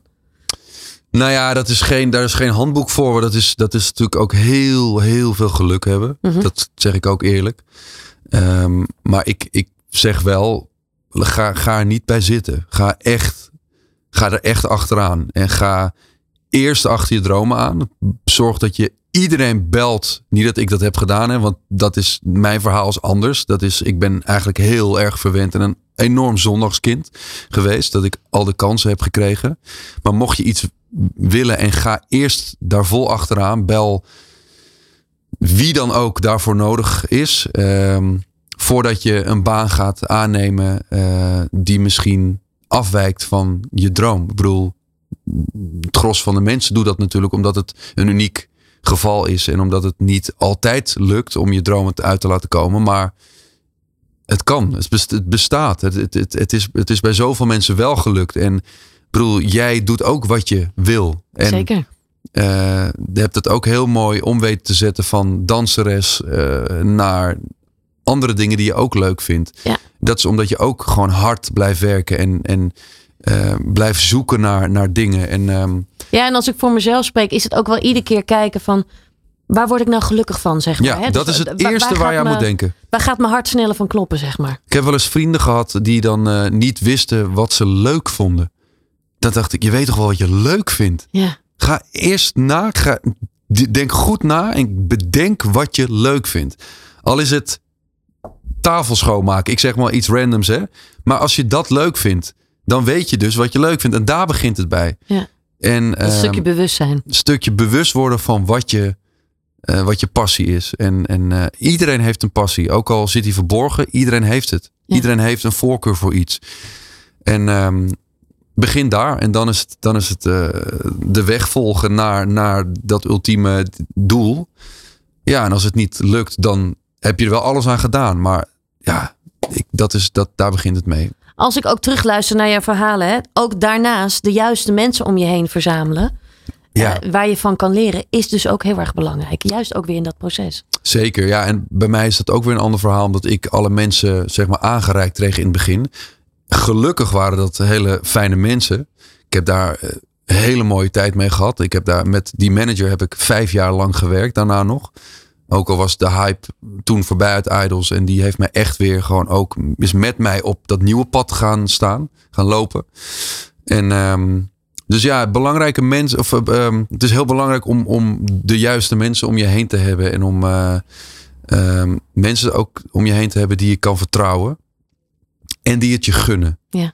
Dat is ook een heel, heel die, die in jou geloven, die in jouw droom geloven. Ook als het even misschien niet goed gaat, zeg maar. Ja. Maar dat ze dan wel in je blijven geloven. Ja, dat is. eh, ja, je, je kan heel veel alleen. Maar soms heb je andere mensen nodig. Ja, ja, mooi. Mooi. Jim, eh, we kunnen nog volgens mij nog wel uren doorpraten. Wat dat, Dat denk ik ook, ja. Eh, want ik ben ook natuurlijk nog heel erg nieuwsgierig wat je allemaal voor dromen hebt. Maar als je eventjes kort nog iets aan mag stippen qua dromen. Wat kunnen we nog meer gaan verwachten van jou? nou, er zijn, al, er zijn al zoveel dromen uitgekomen. Ja. Dat, ik, dat ik qua dromen. Ik heb nu drie kinderen. En dat mijn ultieme droom is dat zij eh, kunnen zijn wie ze willen zijn. Eh, en wat mij betreft kan dat. Maar dat, dat ze gewoon lekker hun ding eh, gaan doen. Waar ze gelukkig van worden. En ehm, nou, ik, heb, ik heb bepaalde ambities natuurlijk. En, dat, en voor nu is die ambitie meer gaan maken. En meer ehm, bewustere keuzes maken. En, en ehm, of ja, nog bewustere keuzes maken. Ik, doe ik deed het al heel bewust. Maar ja, je komt gewoon op een gegeven moment in een andere levensfase. En daar, ehm, ja, dan ga je anders over dingen denken. En andere voorkeuren krijgen. En eh, ja, mijn ambitie nu is dus meer creatief bezig zijn. Van A tot Z met projecten. Mooi, mooi. En dat is ook nog steeds in combinatie met je gezin. Zodat je daar ook nog steeds heerlijk van kan blijven. Ja, zeker. Ja, Heerlijk. Jim, ik wil je enorm bedanken voor het delen van je verhaal. ja nou jij bedankt. En eh, met alles wat ook gaat komen, enorm veel succes. Blijf lekker genieten en blijf lekker doen wat je al doet. Lekker leven. Zo is het. Eh, zometeen eh, gaan we hier verder met Kelly Terhorst. Dan gaan we natuurlijk praten over haar fantastische kookboek. Het nieuwe lifestyle radiostation voor iedereen. Life Radio. Ja, en inmiddels is hier alweer eh, een nieuwe gast aangeschoven. Ze is echt eh, wat dat betreft ook eh, fantastisch bezig. Jarenlang zagen we haar als backing vocal van de grote artiesten in Nederland. Onder andere bij Jan Smit, maar ook het bekende muziekprogramma Beste Zangers. Totdat ze plots haar stem kwijtraakte en opnieuw op zoek ging naar een nieuwe passie, namelijk koken. Ze bundelde haar passie voor koken in het boek De Smaak van het Leven. Eh, daarin naast de mooie lekkere gerechten ook heel veel mooie levenslessen. Ik heb het over niemand minder dan Kelly ter Horst. Kelly, van harte welkom. Fijn dat je er Dankjewel. bent. Dankjewel, heel leuk. Kelly, eh, ja, laten we eventjes beginnen bij het begin. Want je hebt echt een, een fantastisch boek uitgebracht. eh, met heel veel mooie gerechten. Dat is echt wel ook jouw, jouw passie, hè? Koken. En het ook delen, juist van die mooie gerechten. Maar je bent natuurlijk echt begonnen als zangeres. Dat, dat was eigenlijk al vanaf kinds af aan. Was dat wel echt jouw droom? Klopt. Ja, ik ben met eh, twee passies opgegroeid. Dat was eh, zingen of muziek en koken. Ja. Mijn, vaders hobby, of mijn vader was kok en mijn moeders hobby was koken. Maar ik heb in eerste instantie, in de eerste deel van mijn carrière, zeg maar, heb ik gekozen voor, eh, voor de muziek. En daar heb ik een hele mooie carrière in eh, af mogen leggen, waar ik ontzettend van genoten heb. Ja, voor de mensen die dat misschien nog niet eventjes helemaal weten. Hè? Hoe is jouw carrière echt begonnen als zangeres? Ehm goh, dan moet ik even terug in de tijd. Maar ik ehm, ben in een meidengroepje begonnen. Je had een periode waarin heel veel meidengroepen in één keer eh, opbloeiden. En daar wa- waren wij met z'n vieren één meidengroep van. Dat was hartstikke leuk. En ehm, nou ja, van- het een kwam het ander. Dus ik kwam eh, in de achtergrondkoortje heel kort weliswaar. Want ik was nog niet volwassen genoeg bij René Vroger. En nou ja, en toen, toen ging het gewoon in één keer lopen. En, en ik zorgde wel voor dat ik altijd overal gezien werd. En ik was, eh, ik was overal wel bij. En, en op een gegeven moment toen eh, had ik het geluk dat ik ja, wel echt overal eh, mijn steentje mocht bijdragen bij heel veel artiesten. Ja, ja mooi. Ja. We, we hebben jou natuurlijk dan ook bij heel veel artiesten gezien. Als je dan nu terugkijkt, hè, wa- wat waren wel echt highlights voor jou? Ja, nou dat Want je hebt natuurlijk eh, enorm veel mogen doen. Ja, nou, de, de, de, de kers op de taart waren toch ook wel eh, ja, de, de, de beste zangers, natuurlijk. Supermooi En programma om ja, aan mee te dat mogen was werken. geweldig. Het was ook echt heel bijzonder om die dagen met elkaar door te brengen. Ja. Eh, Vrienden van Amstel Live was ook altijd een feestje om te mogen doen. Ehm, ja, Holland Zingt Hazes. Al die eh, ook grote Ahoy shows met Jan.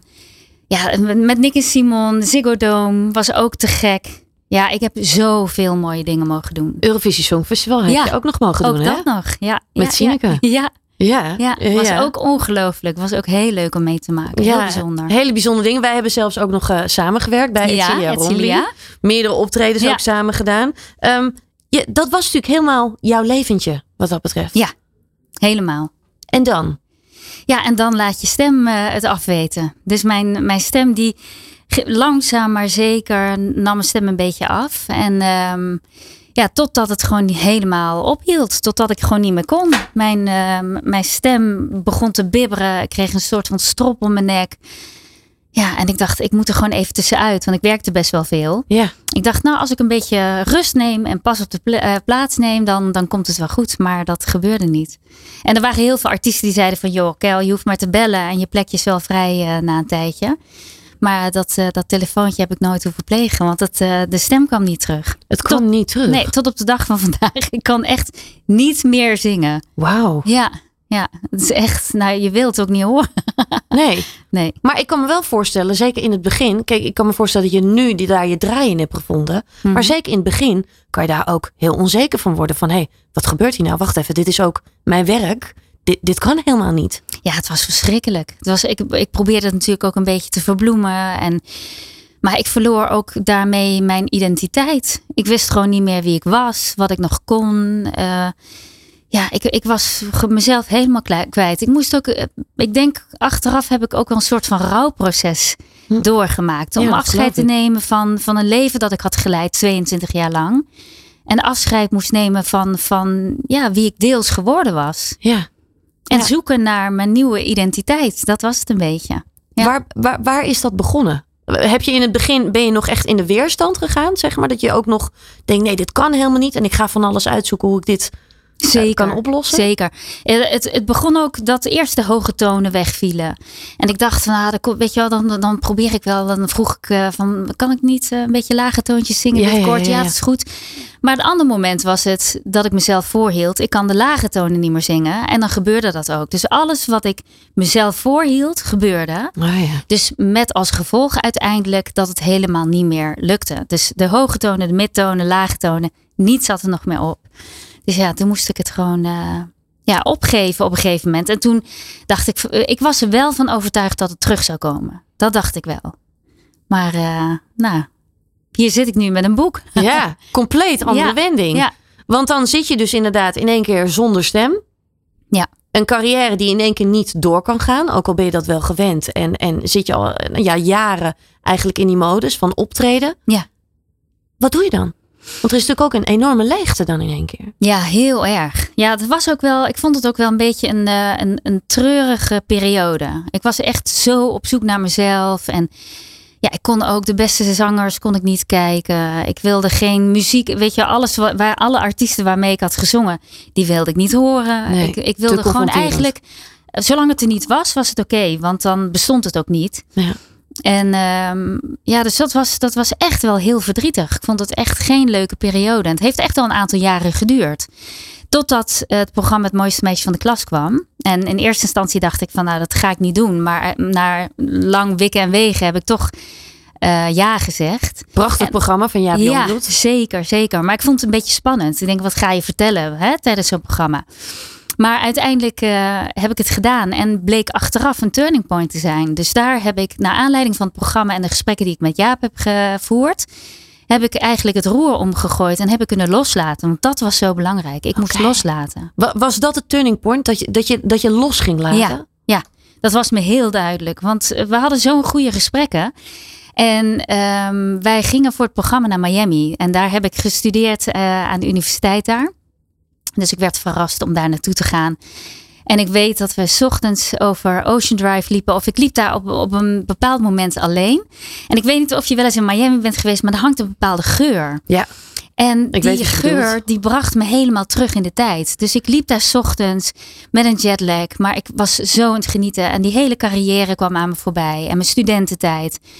En toen dacht ik, ja, als ik nu niet ga loslaten, dan gaat er nooit meer iets anders op mijn pad komen. Dus ik moet gewoon gaan loslaten. Dat besef werd heel duidelijk. Heel duidelijk. Ja, en dat kwam o- echt mede door de vraag van Jaap. En, en eh, ja, de, de diepgang, zeg maar. En ook omdat iemand anders je die vraag stelt. Ja. Hè?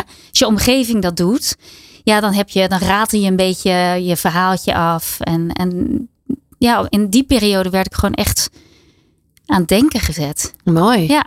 Mooi. Hoe doe je dat dan loslaten? Want dat is natuurlijk makkelijker gezegd dan gedaan. Ja, ik had toen wel al een tijdje uh, natuurlijk een soort van rouwperiode gehad. Dus ik had al uh, langzaam, mm, beetje bij beetje, zeg maar, afscheid genomen. Mm -hmm. Maar ja, je moet gewoon het roer omgooien. Dus je, je had het net met Jim over, uh, je moet doen waar je gelukkig van wordt. Ja.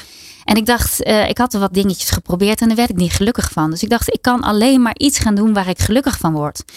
En ik ben met twee passies opgegroeid. Muziek en koken. En toen dacht ik, ja, dan moet het iets met koken gaan worden. Maar het moet wel onderscheidend zijn. Het moet wel anders zijn dan anders. Ja. En um, waar ik dus ook gelukkig van word, is uh, mensen blij maken, mensen verbinden met elkaar. Dat gebeurde namelijk op het podium ook. Ik zag mensen als ik in de theatertour stond, uh, ontroerd in de, in de zaal zitten door mooie arrangementen, mooie liedjes, mooie zang, mooie muziek. Maar ik zag ook mensen in de Polonaise en Ahoy, weet je wel, helemaal uit hun dak gaan. En dat zorgde allemaal voor verbinding. Dus ik dacht, als ik dan een want ik dacht op een gegeven moment, ik moet een boek gaan maken.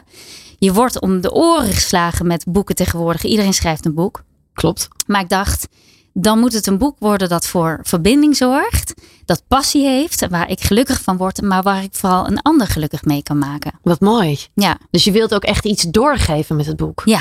Zeker. Ja. ja. want je noemde het een kookboek. En ik wil er eigenlijk een beetje van afblijven. Want natuurlijk staan daar uh, 64 recepten dat in. Is het, het is ook een kookboek, maar het is zoveel meer dan dat. Ja, ja. en uh, wat bij mij gebeurde in Miami, dat ik over die boulevard liep. En dat ik terugging in de tijd aan de hand van een geur ja. die daar hing. Uh, ga, heeft iedereen herinneringen bij geuren uh, uit keuken van opa en oma? Of misschien een etentje met vrienden. Of bij de Surinaamse buurvrouw die lekkere rotti maakt. Ik noem maar wat. Maar iedereen heeft herinneringen. En er zijn heel veel mensen die schrijven receptjes op een briefje. Of die knippen iets uit en die bewaren het in een bakje. Ja. En ik dacht, hoe leuk zou het nou zijn als ik een boek maak. Dat, waarin je dat allemaal kunt verzamelen. Hè? En, en dat je het uiteindelijk kunt doorgeven aan de volgende generatie. Zodat het jouw verhaal wordt en jouw document voor het leven. Dat helemaal vol gerommeld en geniet en geplakt en geschreven is. Met jouw handgeschreven recepten. Die over twintig jaar nog bij, uh, weet ik veel, je vrienden of kleinkinderen op tafel ligt. Omdat het uh, zo'n mooi document geworden is. Ja, mooi. Dus naast de gerechten die jij er natuurlijk in hebt verwerkt. Is het juist ook de bedoeling dat het eigenlijk een heel persoonlijk boek wordt? Juist, ja. Ja. Het begint ook met de pagina Dit boek is speciaal voor jou. Dus het is, je kunt het cadeau geven. Of aan je kinderen, maar ook aan een vriend of vriendin. En dan schrijf je er een persoonlijke boodschap in met de datum erbij. Zo blijft dat er altijd refereren aan het moment uh, dat je het boek gekregen hebt. En vanaf dat moment begint dus je eigen verhaal. Dan kun je het vanzelf zelf gaan invullen. Mooi, mooi. We gaan zo meteen ook nog weer uh, verder over dit boek praten. Maar natuurlijk ook over jouw persoonlijke levenslessen hier bij Lekker Leven. Good Life Radio. Good vibes. Good music. Good Life Radio. Ja, lekker eventjes een beetje die disco-vibe, hè Kelly? Heerlijk, lekker. Heerlijk, heerlijk. Ja, we hebben zojuist natuurlijk al eventjes uh, aangestipt, hè? Dat prachtige boek wat je onlangs hebt uitgebracht. Uh, de smaak van het leven. Uh, het is dus ook echt een heel persoonlijk boek voor iedereen, hè? Omdat je het dus helemaal persoonlijk kan maken. Ja, ja. Zeker, dat is de bedoeling. Je moet er, of je mag er je favoriete recepten inschrijven, plakken, niet te rommelen met leuke foto's en verhalen en anekdotes die bij een bepaalde periode van het leven horen. Of misschien bij, een lekker etentje die een avond uh, hebt gehad met vrienden. Dat, dat je dat er allemaal in kwijt kunt. Mooi. En uh, ja, dat die herinneringen niet verloren gaan. Ja, dat is zo belangrijk. Je deelt daar ook een aantal levenslessen ook echt in, hè, in dit boek, ook zelf. Ja, nou, de eetcarrière komt voorbij. Iedereen maakt een eetcarrière door in zijn leven. Ja. En, uh, en, en, dat is voor iedereen op zijn of haar eigen manier natuurlijk. Hè? Dat maakt niet uit of het uit potjes en bakjes komt. Of Ja. het is allemaal heel gezond. Toevallig is het bij mij allemaal heel gezond geweest en onbewerkt. Maar die hele eetcarrière komt voorbij. Want uh, eetcarrière bestaat uit verschillende fases. Dus het begint met de eerste babyhapjes, de smaakontwikkeling van het kind, de onverzadigbare snackbehoeften van de puber. Maar ook feestjes met vrienden, borrelhapjes, borreltijd. Wat zet je dan op tafel? Klopt. Lekker, lekkere dineetjes thuis met familie of vrienden. Maar ook de oude vertrouwde recepten van vroeger. Alles, al die fases komen voorbij. Ja, mooi woord vind ik het ook wel, eetcarrière. Ja, vond ik zelf. Ja, ja, Ja. dat vind ik eigenlijk wel heel erg leuk. Maar hoe zie ziet jouw eetcarrière eruit? Heb je altijd gezond ge- gegeten ook en geleefd qua voeding? Ja, ja, ik heb altijd wel heel gezond. eh, eh, ik ben heel gezond qua eten opgegroeid. Dus eh, het was altijd onbewerkt. En ik leerde als jong meisje al de pure smaken van een wortel kennen en de kleur. Weet je wel, tegenwoordig ja, wordt er snel een potje opgewarmd in de magnetron. Ook prima, hè? dat is ieders keuze. Maar ik had, eh, mijn moeder wilde gewoon dat, ik, eh, dat er een, een groente gekookt werd met heel weinig water. Er mocht ook geen vocht afgegoten worden, want dan verloor je vitamine. En dat ging door de passeviet. Tegenwoordig hebben we een staafmixer. En dan eh, had ik gewoon een gekookt worteltje of met een aardappel of noem maar op. En ehm, ja, smaakontwikkeling vond, eh, vond zij ook heel erg belangrijk. Dus eh, ik werd. Eh, ik, ja, ik leerde als jong meisje al op vroege leeftijd eh, de verschillende smaken en geuren van kruiden onderscheiden. Dus ik moest dan aan een plantje eh, ruiken, een beetje met mijn vingers te aanzitten. En dan weet je al, dan vroeg moeder, wat, wat is dit voor kruid? En waar kun je het bij doen? En dus zij maakte ook al, ehm, ja, met- zolang ik mij kan herinneren, jus van botten met een bouquet garni. En nou, het was altijd puur en onbewerkt. Ja. dus ik zat als driejarig meisje al in de pannen te roeren. Ik weet niet beter. Ja. Wauw. Ja. Op dat gebied hebben we ook wel raakvlakken. Want ik ben Oh, ja. ook echt net zo opgevoed. Wat Oh, echt met waar? mijn moeder. ja, Ja, ja, wat mooi om te horen. leuk. Ja, want daar ontstaat natuurlijk, daar, met name als je ouder wordt, besef je pas wat een rijkdom dat eigenlijk is. Hè? Ja. Dat je dat meekrijgt van je ouders. Ja, vind ik ook. Ik vind het ook echt een rijkdom. En mijn moeder ging daar best wel ver in vroeger al. Want ik weet niet of je dat herkent, maar dat was best wel een beetje extreem. maar wij hadden zelfs al een briefje op de koelkast hangen Ja. met allemaal E-nummers. Oh, En als ik dan in de supermarkt boodschappen moest doen, dan eh, mochten er bepaalde E-nummers niet in zitten, omdat die eh, s- schadelijk waren voor, eh, voor je lichaam. ja. Dus dat stukje bewustzijn, dat werd je eigenlijk al heel jong al mee. Ja, Nou ja, Ja. met de paplo- paplepel werd dat eigenlijk gewoon, eh, ja, eh, echt gewoon eh, ingegoten. Ik kom even niet goed uit mijn woorden, dat heb je wel eens. Hè? ja Ehm, zeker. Maar, maar eh, het mooie is natuurlijk wel, dat heb je ook wel echt eh, verwerkt in je boek. Dat natuurlijke eten, dat vind je belangrijk hoor. Om dat ook door te geven. Ja, ja ik vind het. eh, ik, ik doe dat ook bij mijn eh, bonusdochters. Ik vind het belangrijk dat zij opgroeien met pure smaken. En dat zij ook, net zoals ik dat geleerd heb, kruiden leren onderscheiden van geur en smaak. En dat ze ook weten wat de toe- toepasbaarheid is. En ehm, ja, ik, ik vind gewoon. eh, ik ben helemaal niet van de diëten bijvoorbeeld. Ik vind het zonde als mensen dieetproducten verkopen, want ik geloof er ook niet in. Want ik denk eigenlijk dat als je eh, onbewerkt eet, dat je dan niet hoeft te diëten. Want dan krijg je geen eh, overdadige suikers of zouten binnen. En dan, ja, dan kun je eigenlijk best wel veel eten. Ja. Maar ik geloof dat iets van 75% of zo, maar correct me if I'm wrong, eh, bewerkt is wat er in de supermarkten ligt, wat, je- wat je kunt kopen. Nou ja, maak dan maar eens een keuze als je niet weet hoe het allemaal werkt. Dan is dat hartstikke moeilijk. Dat is het. En ik denk dat sommige mensen zijn misschien ook wel helemaal kwijtgeraakt wat onbewerkt is. Omdat het al zo gewoon is dat iets bewerkt is. Ja. Dat je bijna niet meer weet wat natuurlijk eten is. Ja, zeker. Zeker. Dus ja, begin gewoon bij het eh, kopen van, eh, van een wortel, van een, eh, van een prei. van een knolselderij. Gewoon simpel beginnen en, eh, en probeer daar wat van te maken. Ja. Maar ik kan me wel voorstellen dat het lastig is. ja, nou ja, zeker als je het niet gewend bent, dan is het natuurlijk wel eventjes een drempeltje. Ja, zeker. En hoe breng je een, een soep op smaak? Ik, ik kan me best wel voorstellen dat mensen denken van ja, ik gooi er even een zakje in. Ja, Weet of een wel? beetje magie. Hup. Ja, Ja. klaar. Wat zou Maar jij doen? Wat kruiden. is jouw tip? Altijd vers kruiden. Verse Altijd. kruiden. Ja, Een ja. knoflookje. Sowieso. ook nog wel erbij, toch? Sowieso. Altijd knoflook en ui. Maar daarnaast gewoon ook lekker verse kruiden erbij. Ja, zeker. Zeker. Altijd. Ja. Ja. nou zijn er ook natuurlijk veel mensen die denken, ja, maar er is wel veel gedoe, hè? Dus ook veel tijd. Ja, kan ik me voorstellen. Maar als je het niet gewend bent. Kijk, als ik uit een pakje moet koken, dan ben ik niet gewend. Dan moet ik de hele beschrijving lezen. Kost ook weer tijd. En ik ben gewend om te koken zoals ik het doe. En dat kost mij eigenlijk vrij weinig moeite en tijd. Ja.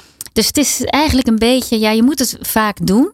Je moet in eerste instantie ermee beginnen en dat dan gewoon doen. En dan op een gegeven moment dan, komt, dan wordt het zo'n routine dat het ook qua tijd niet meer veel, eh, opeist. Nee, hè? dat is het ook. Ja. Hè? Oefening baart kunst. Ja. Ook op dat gebied. Zeker, Ja. zeker. Kun je misschien ook wat nou ja, tips nog meegeven die ook al in het boek verwerkt zijn? Maar wat zou je mensen ook wel mee willen geven qua gezondheid en qua voeding die nu zitten te luisteren? Nou, ehm, wat, wat ik eh, wel een grappig hoofdstuk vind, is eh, de puberteit. Hè, we hadden het net over die eetfases. Nou, puberteit komt in het, eh, in het boek voor. En dan relateer ik natuurlijk ook aan mijn eigen ervaring met mijn bonusdochters. Ja. Die, eh, ja, die, die waren gewend toen ik ze leerde kennen om pizza uit de supermarkt te eten. En ik dacht, nou, dat gaan we toch echt niet doen. Dus ik maakte gewoon zelf tomatensaus met, met ik, gegrilde paprika erdoor en kruiden en knoflook en uit. Dat ze toch in ieder geval iets van vitamine binnen hebben. Maar zij vonden die in eerste instantie niet zo heel lekker. En, eh, want het is natuurlijk ook een kwestie van smaak. Zeker. Hè? Het is ook weer smaakontwikkeling. Dus wat deed ik? Ik eh, kocht een pizza uit de supermarkt. En dan, schraapte, dan li- liet ik het pak op de, op de aanrecht liggen. Ja. Schraapte ik eh, de tomatensaus van de bodem af. En eh, deed ik er mijn eigen saus overheen. Dus hadden ze het idee van, oh, we eten nu pizza uit, eh, uit de supermarkt. Dus vonden ze het bijvoorbeeld wel lekker. Nou, en langzaam maar zeker ben ik, weet je wel, met ze gaan stoeien in de keuken. Zijn we zelf pizzabodems gaan maken. En, en de hamburgers deed ik hetzelfde. Weet je wel, ik, ik verstopte broccoli in de hamburger. En dan bakte die hem wel een beetje stevig aan. Zodat je niet dat groen er doorheen zag Ja, komen. ja, ja, ja. En die zaten dan vol met ui en knoflook. En dan dekte ik de tafel. Want ik vind gewoon dat, dat het per definitie gezellig moet zijn aan tafel. Dus dek de tafel dan gezellig met allerlei dingetjes die ze zelf mogen uitkiezen. Dat zijn in mijn geval toevallig dan allemaal gezonde dingen. De hamburger is al gezond, maar ze vinden, pubers vinden hamburgers gewoon heerlijk. Ja. Maar ze hebben toch het idee dat ze een bepaalde vrijheid hebben om een hamburger zelf te beleggen. Nou, en zo heb ik allerlei tips. Ook tomatenketchup die ik zelf had gemaakt. In, een, in, de, in zo'n zo'n flesje gedaan. En deden ze op de hamburger. Maar daar kwam ik dan niet mee weg. Want dan zagen ze zeker het kleurverschil. En uiteindelijk ook de smaak. Maar nu ben ik zover dat ze de eigen tomatenketchup altijd eten. Oh, wat goed. Ja, dus zo langzaam maar zeker eh, gewoon zijn andere gewoontes erin ges- eh, gekomen. En ehm, ja, probeer ik het vooral heel gezellig aan tafel te maken. Ja, ja, en dus ook eigenlijk op een speelse manier ja, lekker en natuurlijk eten gewoon ook heel toegankelijk te maken voor iedereen. Zeker, en vooral niet opdringen. Gewoon één hapje proeven, ook van iets nieuws en dan is het goed. En de volgende keer weer een keer een hapje. Ja, nou gaat dit echt over het fysieke gedeelte. Hè? Dus gezondheid, wat, wat, wat doe ik naar binnen, zeg maar? Eh, wat eet ik? Als we kijken naar mentale gezondheid, hoe werk jij aan je mentale gezondheid? Eh, ik denk ja, vooral proberen rust te vinden en eh, gelukkig te zijn. Geluk te halen uit de kleine dingen die vaak het grootst zijn. Ja, En dat is voor mij ehm, ja, mijn thuissituatie, mijn, mijn man en, en zijn dochters. En, maar dat is ook ehm, fijne avonden doorbrengen met vrienden, mooie gesprekken voeren met mensen die, die je veel positiviteit brengen. Dat vind ik belangrijk. Dus je omringen met, met positieve mensen. Geen, zoveel mogelijk negativiteit eh, ja, uit de weg gaan. Kan niet altijd, maar probeer ik wel. En ehm, genieten van een, van een cappuccino op een terras. Lekker mensen voorbij zien komen. Dat soort dingen. Weet je wel, de, de kleine momenten. de- eten in een restaurantje. En, en gewoon mooie gesprekken voeren. juist die kleine momenten, daar ook gewoon ultiem van genieten. Ja, ja. dat juist. is juist ook zo belangrijk. Ja, ja. ja. Ja, daar kan ik me helemaal ook wel gewoon bij aansluiten. We gaan eh, zo meteen naar het laatste blok hier zo. Dan gaan we nog eventjes verder praten over het boek. Maar natuurlijk ook nog over die andere levenslessen. Je bent het zat, er is veel meer. Veel meer. Liefde, gezondheid, een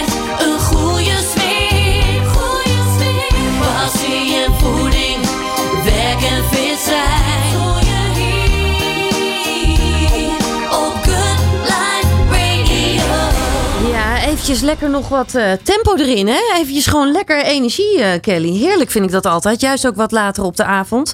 Ehm, we hebben zojuist natuurlijk eigenlijk al heel veel besproken. Hè, over jouw prachtige boek. eh, de smaak van het leven. Ehm, dat maakt het natuurlijk ook wel heel bijzonder. Ook wel dit boek. Dat het dus niet alleen maar over jou gaat. En over de, de gerechten die je in hebt verwerkt. Maar dat je het juist ook zo persoonlijk kan maken. Ehm, wat ik mooi vond is dat ik... toen ik eigenlijk vermeldde op Instagram en op alle andere social media platforms dat jij hier te gast kwam, kreeg ik ook een berichtje van iemand. En eh, die wilde jou bedanken voor jouw eh, speciale boek. Want zij heeft uh, jaar geleden heeft ze haar partner verloren. Ja, En ehm, zij haalde heel veel kracht ook weer uit dit boek. dat meen je niet. Ja. Ja. Ja, het emotioneert me gewoon. ja, en het raakt mij ook. Nou. Omdat ik natuurlijk ook weet wat jouw verhaal ook is. Ja, Nog niet iedereen weet dat. nee. Ehm, maar zij was zo dankbaar voordat ze dit boek. eh, ze heeft het cadeau gekregen. Eh, maar ze haalde enorm veel kracht uit jouw verhaal. Maar Ja. ook dus uit die recepten. En uit nou ja, weer plezier krijgen in het leven. En wat natuurlijk Nou. niet heel veel mensen weten. Dat heb je wel gedeeld natuurlijk in het programma. Hè? Mhm. Eh, het mooiste meisje van de klas. Je had een grote liefde. Ja, Die ben je kwijtgeraakt. klopt. Ja, ja. Ja. Die is overleden aan een, aan een auto-ongeluk plotseling. Dus dat was best wel eh, pittig. Ja. Ja, Ja, maar dan is het natuurlijk wel heel mooi dat je nu dan eigenlijk ook nog weer zoiets terugkrijgt van iemand die hetzelfde bij ja, heeft meegemaakt. ja, ja. Dus dat is, eh, ja, dat is best, dat is heel heftig. Ik heb nu ook een vriendin in mijn eigen omgeving die plots haar man verloren is. ja, Ja, dat is, je weet gewoon precies waar iemand doorheen gaat. ja. Je weet gewoon hoe het voelt. En die fases waar ze doorheen gaan. En eh, ja, dus het, het, ja, het raakt me echt dat ik, dat ik haar in ieder geval een klein beetje heb mogen verblijden met het boek. ja, mooi. Dat ze daar kracht uit haalt, vind ik echt wel heel, eh, heel bijzonder. Ja, ja, dat is, lijkt mij ook weer eigenlijk weer een toevoeging op hetgene wat je natuurlijk al dan weer neerzet. Ja, Want daarmee ja, ga je weer die verbinding aan. zeker, zeker. En dat is ook echt de bedoeling van het boek. En dat, dan denk ik van, goh, wat fijn dat het zo opgepakt wordt en dat iemand die boodschap er ook uithaalt. Ja, nog eventjes daarover. Hè? Want ik kan me ook voorstellen dat dat is al lang achter je. Hè? Dat, Mhm. die, die fase ben je al doorheen gegaan. En toch zijn er heel veel mensen die door zo'n rouwfase heen gaan. Ehm, wat heeft jou geholpen in die tijd? Wat gaf je kracht? Eh, de muziek. Ja, ik, ehm, het heeft even een tijdje geduurd. Maar toen ik weer eh, op het podium stond, toen moest ik me wel voor die momenten even oppakken. Want ja, je staat op het podium gewoon te shinen, zeg maar. Terwijl je van binnen echt kapot gaat. En ehm, dus dan net voor het podium en daarna eh, stortte ik in. Mhm. Maar op het moment zelf vond ik wel weer de kracht. En dacht ik wel van ja, dit is waarvoor ik het doe. En ik was ook altijd best wel onzeker. En ik dacht ja, waarom ben ik nou eigenlijk onzeker? Weet je wel, straks is het zomaar voorbij. Ja. Ik moet juist in het moment zitten. Ik moet hiervan genieten. En ik moet juist heel erg blij zijn dat ik dit werk mag doen. En ik moet niet nadenken over wat een ander van mij vindt. Of van, van mijn kunsten vindt. Of, of ze het wel of niet mooi vinden. Ik, moet, ik sta hier en ik mag ervan genieten. Wat goed. Laat ik het nou maar doen. Ja. Want straks is het ook zomaar voor mij voorbij. Ja, Dat, dat gaf mij heel erg kracht, die gedachte. ja, ja. Het schudt je ergens ook weer wakker. Hè? Er zitten ook vaak mooie cadeautjes ergens in. Ook weer juist in dat verdriet. Ja, maar weet je wat ook zo, wat ik, wat ik nog steeds heb? Als het eh, koud is en het regent, Ja. dan kun je echt geïrriteerd zijn. Dat je helemaal doordrenkt en koud. En iedere keer denk ik, want dat was toen wat mij op de been hield ook. Hij kan het niet meer voelen. Dus, en dat is nog altijd wat ik mij besef. Hij kan het niet meer voelen. Dus geniet er nou maar van. En voel die kou nu maar. Voel die regen maar. Want je mag het voelen. Ja, het klinkt heel schijnheilig misschien en clichématig. Maar het heeft me wel doorheen getrokken. En dat, dat realiseer ik me nog altijd. Ik vind het juist wel heel erg mooi. Eh, want eh, als ik kijk, we, we- vaak genieten we alleen maar als het mooi weer is, inderdaad. Hè? Als de zon schijnt. De clichés, zeg maar. Ja. Of, eh, we zitten op een lekker terrasje. Maar hoe fijn is het als je kan genieten? Ja. Juist als het regent. Of als de wind waait in je gezicht. Dat je weet, ik leef. Ja, dat is het. Ja, lekker leven. Ja, lekker leven inderdaad. Ja. Ja. Ja. mooi dat je dat nog eventjes meegeeft. Ehm, dit boek is natuurlijk ook ideaal weer voor de feestdagen. Hè? Juist omdat het ook nou ja, zo'n persoonlijk boek is. Ja, ik denk het wel. Om, eh, met name omdat je die persoonlijke boodschap erin kunt zetten. Hè? Dit boek is speciaal voor jou. Ja. Dus hoe leuk is het als de kerstman of Sinterklaas er iets inzet met een datum erbij. Misschien wel met zijn favoriete receptje erbij en een lekkere bijpassende fles wijn. Want dan is de Sint of, of de kerstman is dan het begin van het verhaal van jouw verhaal voor de toekomst. En dat is eigenlijk wat ik met dit boek wil, eh, wil bereiken. Dat het jouw verhaal voor de toekomst wordt, jouw verhaal voor het leven, jouw document voor het leven. Dat is echt het idee daarvan. ja, fantastisch. Wat gaan we nog meer van jou verwachten? Nou, ik hoop ehm, dat ik, ik.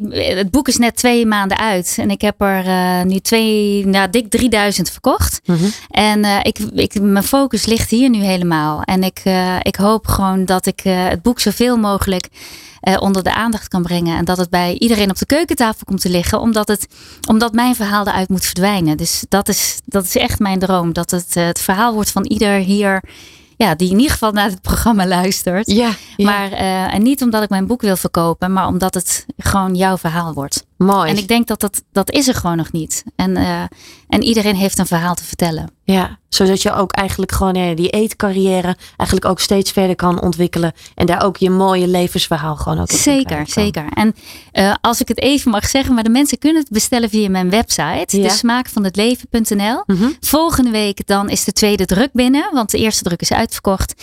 En dus is die ruim op tijd voor de feestdagen binnen. Kijk, ik zou zeggen, lekker bestellen mensen. ja, ja, zeker weten. Kelly, ik wil jou enorm bedanken voor het delen van je verhaal. Thanks ook voor je openheid en heel veel succes met dit eh, fantastische boek. Heel fijn dat ik hier mocht zijn. Dank je Martine. Dankjewel. Good Life Radio.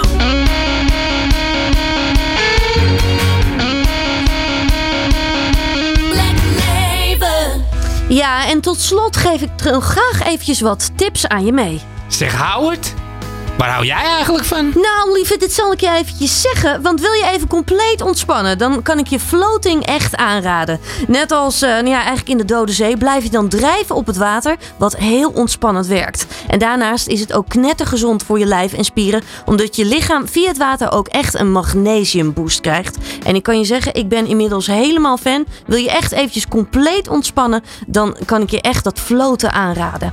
En hiermee zijn we aan het eind gekomen van Lekker Leven. Heb je vragen of opmerkingen? Laat het mij dan graag weten via mijn Instagram kanaal Martine Howard. Ik wil je heel erg bedanken voor het luisteren. Maak er wat moois van en blijf vooral heel erg genieten en heb een heel lekker leven. Met naar je